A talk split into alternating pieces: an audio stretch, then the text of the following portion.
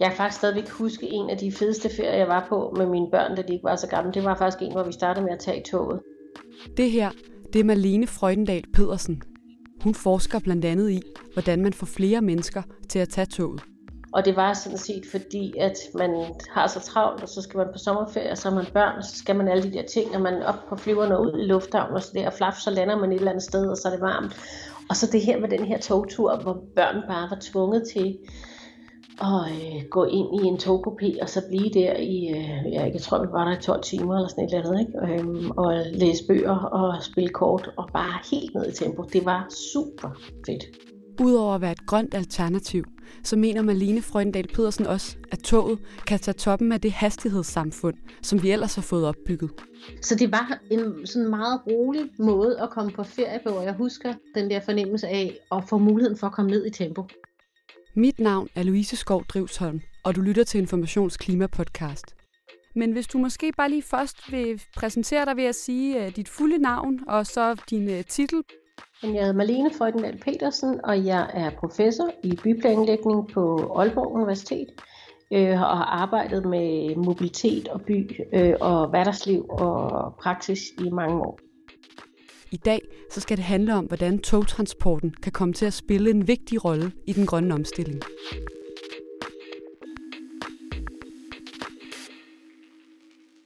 Nu skal vi jo snakke om tog i dag og om øh, togets øh, grønne potentiale i forhold til den øh, omstilling, vi står over for, for at håndtere den her øh, klimakrise, vi, vi selv har skabt. Der er jo flere grunde til, at, øh, at toget er en, en klimavenlig transportform. Det handler både om, at de kan transportere langt flere passagerer end en personbil, og det bruger mindre brændstof end, øh, end eksempelvis et fly. Og så er stadig flere tog jo også på vej over at køre på, på el øh, frem for øh, fossil brændstof. Øh, men det, jeg tænker, vi skal snakke meget om i dag, det er, hvordan man kan gøre toget til en mere attraktiv rejseform for os og hvordan det går med det generelt, fordi det er mere her, at, at dit forskningsfelt jo ligger.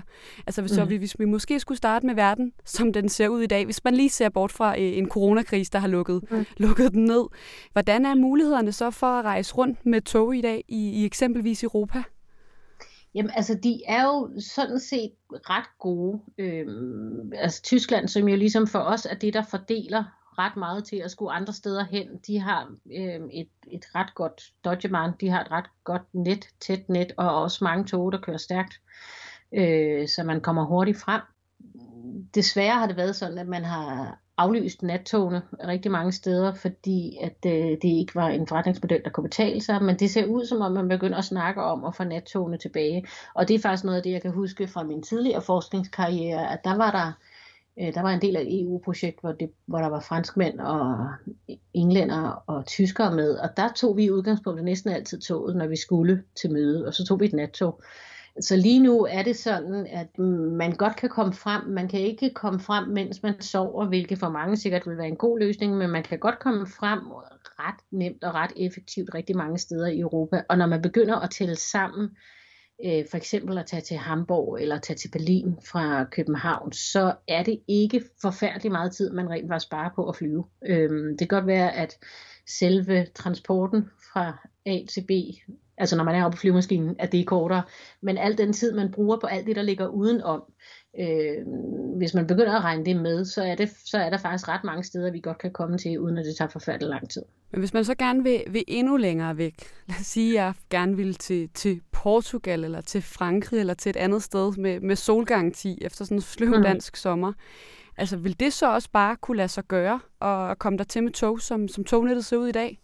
Ej, jeg vil sige, det er lidt mere en udfordring. Der er nogle steder i Tyskland, hvor de stadigvæk har nattog, øhm, så, så det kan godt lade sig gøre. Øhm, men det, det er klart, det er lidt mere en udfordring, og det er jo fordi hele togsektoren har skulle øh, slås med flybranchen, som kan få os de der steder hen ret hurtigt og effektivt. Jeg tror også, selvom man kan øhm, tage, hvis vi begynder at kunne tage nattog, så er der noget med, hvis du kun har en uge et sted, så skal der alligevel noget til at bruge 18 timer på at komme frem og tilbage, for det tager en, en stor bid af den tid, du har tænkt, at du skal være ude i solen. Ikke? Så på den måde er, er vi stadigvæk udfordret på det, men nogle gange så tænker jeg også, at vi skal Altså noget af det, man kan sige, der er det største problem inden for den måde, vi bruger transport på, det er, at vi får lavet sådan nogle generaliseringer om ting. Så fordi at det tager, øh, jeg ved ikke, hvor lang tid det tager at komme til Portugal, men nok i hvert fald 18-20 timer eller sådan et eller andet, så betyder det jo ikke, at man ikke kan tage toget til Berlin for eksempel. Så der er et eller andet med, at vi nogle gange får lavet sådan nogle, jamen toget det kan ikke betale sig, det er smartere at flyve, det er hurtigere, det er det, vi har vendet os til.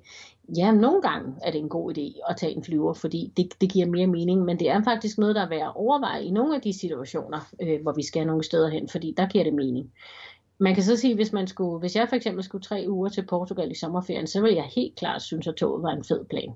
Fordi det netop giver den der at komme ned i tempo, ro på, kigge ud af vinduet, læse en god bog. Meget af det, som mange af os, der ikke nødvendigvis har små børn, vi skal holde styr på, vi sådan set sætter ret stor pris på, når vi er på ferie, det er jo netop at få tempoet ned og få noget ro på. Ikke? Og det, det kan man få, når man kører tog. Men altså, man kommer jo heller ikke udenom en masse øh, togskifte og ventetid forskellige steder i Europa. Og sådan noget. Jeg tænker bare, hvorfor er der ikke blevet gjort mere fra politisk side eller fra for at investere i det her? Altså, hvad, hvad tænker du har manglet for, at det, det ligesom er blevet togets storhedstid? Jamen det er sådan set ikke, toget har haft sin storhedstid, det må man sige, fordi det var jo på et tidspunkt det, der var den hurtige måde at komme frem og tilbage, og i det hele taget komme ud og opleve verden. Øh, og så har der været en del år, hvor det måske er gået lidt ned, og det er en del af hele den her moderne tid, vi lever i, hvor alt har handlet om at effektivisere. Så transport har været noget, der skulle være så effektivt som overhovedet muligt, og vi skulle kunne komme så hurtigt som muligt frem og tilbage. Øh, og, og hele den øh, enorme vækst, der har været i i flybranchen, øh, og også i det at have egen bil, øh, og også at køre på ferie i egen bil, altså både bilbranchen og flybranchen, har været noget, der har handlet om fleksibilitet og en forestilling om frihed og nogle ting. Og der er toget på mange måder kommet til at fremstå som det der lidt gammeldags langsomme, øh, hvor man er tvunget til at dele plads med en masse mennesker. Ikke? Så, så der er meget af det, der sådan set har historiske årsager, og så ligger der også noget omkring, jamen hvad er det, man, altså, hvad er det, man indirekte støtter via den måde, man laver politik og planlægning på. Øh, og der har der været en forestilling om effektivitet og, og hastighed, som det, der ligesom gjorde et moderne samfund, der var succesfuldt, og som øh, var den måde, man skabte øh, succesrige, moderne øh, byer og byområder på. Ikke? Og, og det, har, det har helt klart betydet noget. Nu står vi i en anden situation, hvor vi kan se rigtig mange af de utilsigtede konsekvenser, der også har været ved den måde at tænke transport og mobilitet på, fordi at, øh, at vi så har valgt de løsninger, som sådan set er de mindst klimavenlige. Det er dem, der er ligesom er blevet løftet frem, og dem vi har brugt mest. Og det er jo så det, der er spændende nu, om, om det, at vi, fordi vi ved på transportområdet er faktisk et af de, eller det er det område, hvor det ikke lykkes at nå CO2-målene, eller forbedre øh, udslippet af CO2, fordi at selvom teknologien er blevet bedre og mere klimavenlig, så øh, i biler for eksempel har vi flere, øh, har vi flere ting, bilen skal kunne, så hvis stævnlæg, vi har øh, GPS, vi har vinduer, der kan rulles op og ned automatisk, vi har varme i sæderne, vi har alle de her ting, øhm, og i flyrejsen, der har vi et meget større forbrug af det at flyve, øh, fordi at øh, før corona var det jo ikke unormalt, at folk tog, synes, at når de skulle i byen med vennerne, på en fredag, så kunne de faktisk godt tage en hurtig flyver til England og gå i byen i London, og så tage øh, flyveren i morgen, næste morgen, hjem næste morgen klokken 6. Altså, så vi har jo også vendet os til at gøre nogle ting på en måde via de her transportsystemer, vi har haft, som måske ikke er så super hensigtsmæssigt øh, i forhold til at tænke mere bæredygtigt.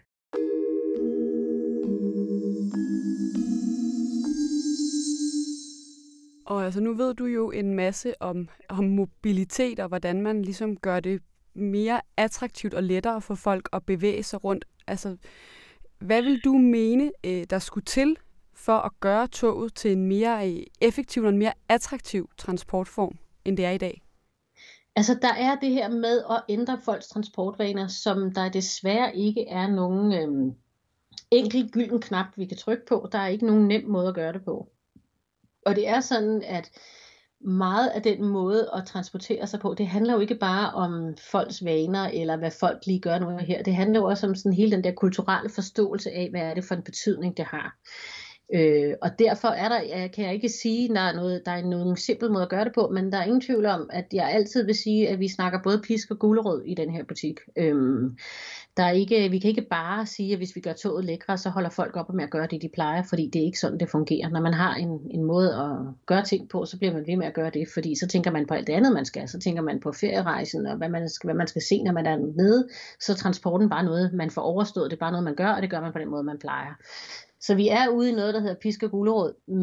Men noget af det, som man jo for eksempel kunne begynde at kigge på, det var prisen på transport i forhold til alle de utilsigtede konsekvenser, der er ved den type af transport, man bruger. Øhm, og der er rigtig mange ting, som øh, handler om forurening, ikke kun forurening, men også støj og også øh, partikler og alle mulige ting, som man sådan set kunne begynde at sige, hvis vi begynder at tage det med ind i forhold til, hvordan vi prissætter de her ting, hvis vi begynder at tage det er alvorligt, hvilke klimaaftryk de forskellige typer af transportmidler har, og vi begynder at prissætte efter det. Og vi så også begynder at i talsætte det, som på den måde I gør, ved at lave sådan nogle øh, podcast her og sige, jamen hvad er det egentlig, der er fedt ved toget. Der er også nogle ting, der er ufedt ved toget. Det tager længere tid nogle gange, og nogle gange så risikerer man, at der kommer nogen, der lugter og sætter sig ved siden af en. Ikke? Øh, men, men nogle gange har vi en tendens til at snakke om bilen og om flyveren som øh, Øh, altså på sådan en idealiserende måde, fordi når man kører på ferie, øh, hvis man nu havde taget bilen på ferie til München, så havde der været en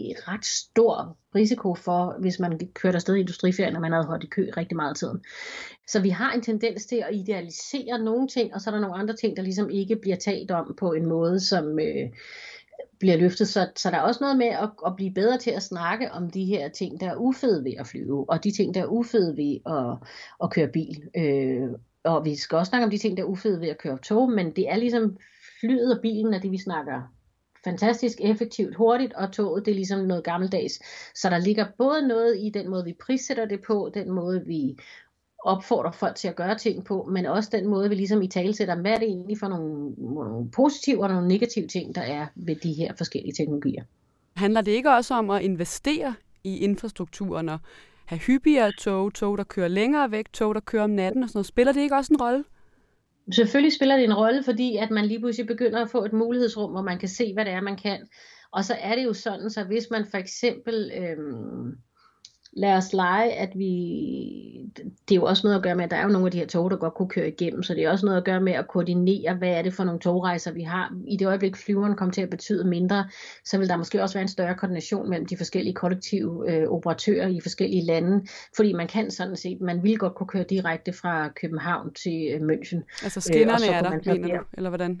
Hvad? Ja, skinnerne ja, er der fordi, til det er der, så det kan godt lade sig gøre. Lige nu, der øh, går man over et nyt tog, når man kommer til Hamburg, og så kører man direkte fra Hamburg til München. Jeg synes sådan set ikke, det er det store problem, fordi at, øh, at så får man lige en halv time i Hamburg til at købe noget ny kaffe, og hvis man ikke gider rigtig der i toget, og lige få rørt benene. Øh, og for alle dem, der ryger, så er det sikkert også en god mulighed for at lige komme ud og få sig en, en hurtig cigaret.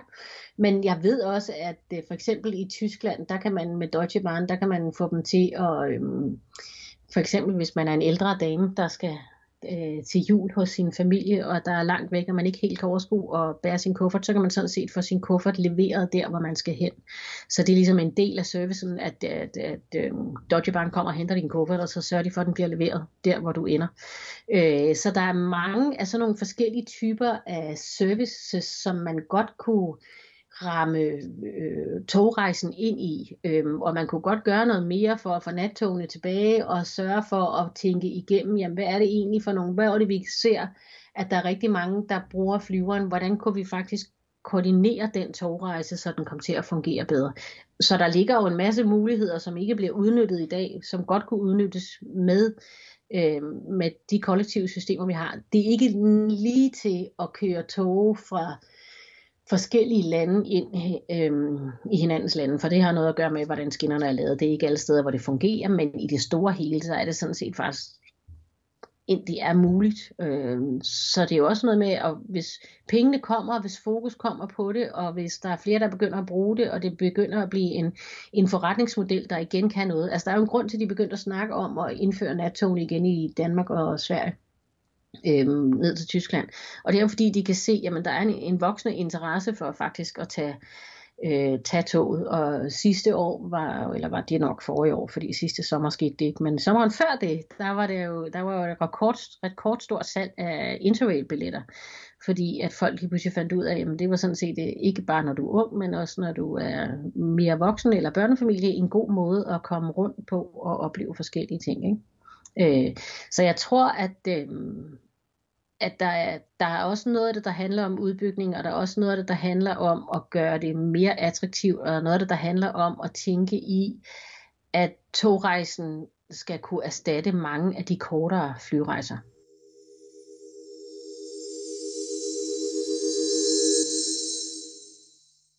Og så er der jo også det her med, øh, med hastigheden. Altså jeg ved, i Japan har de jo virkelig knækket den kode med, med højhastighedstoget øh, Shinkansen, som er eldrevet, og det kører også på særlige skinner, og så har det sine egne ruter, så det netop ikke bliver forsinket af andre tog.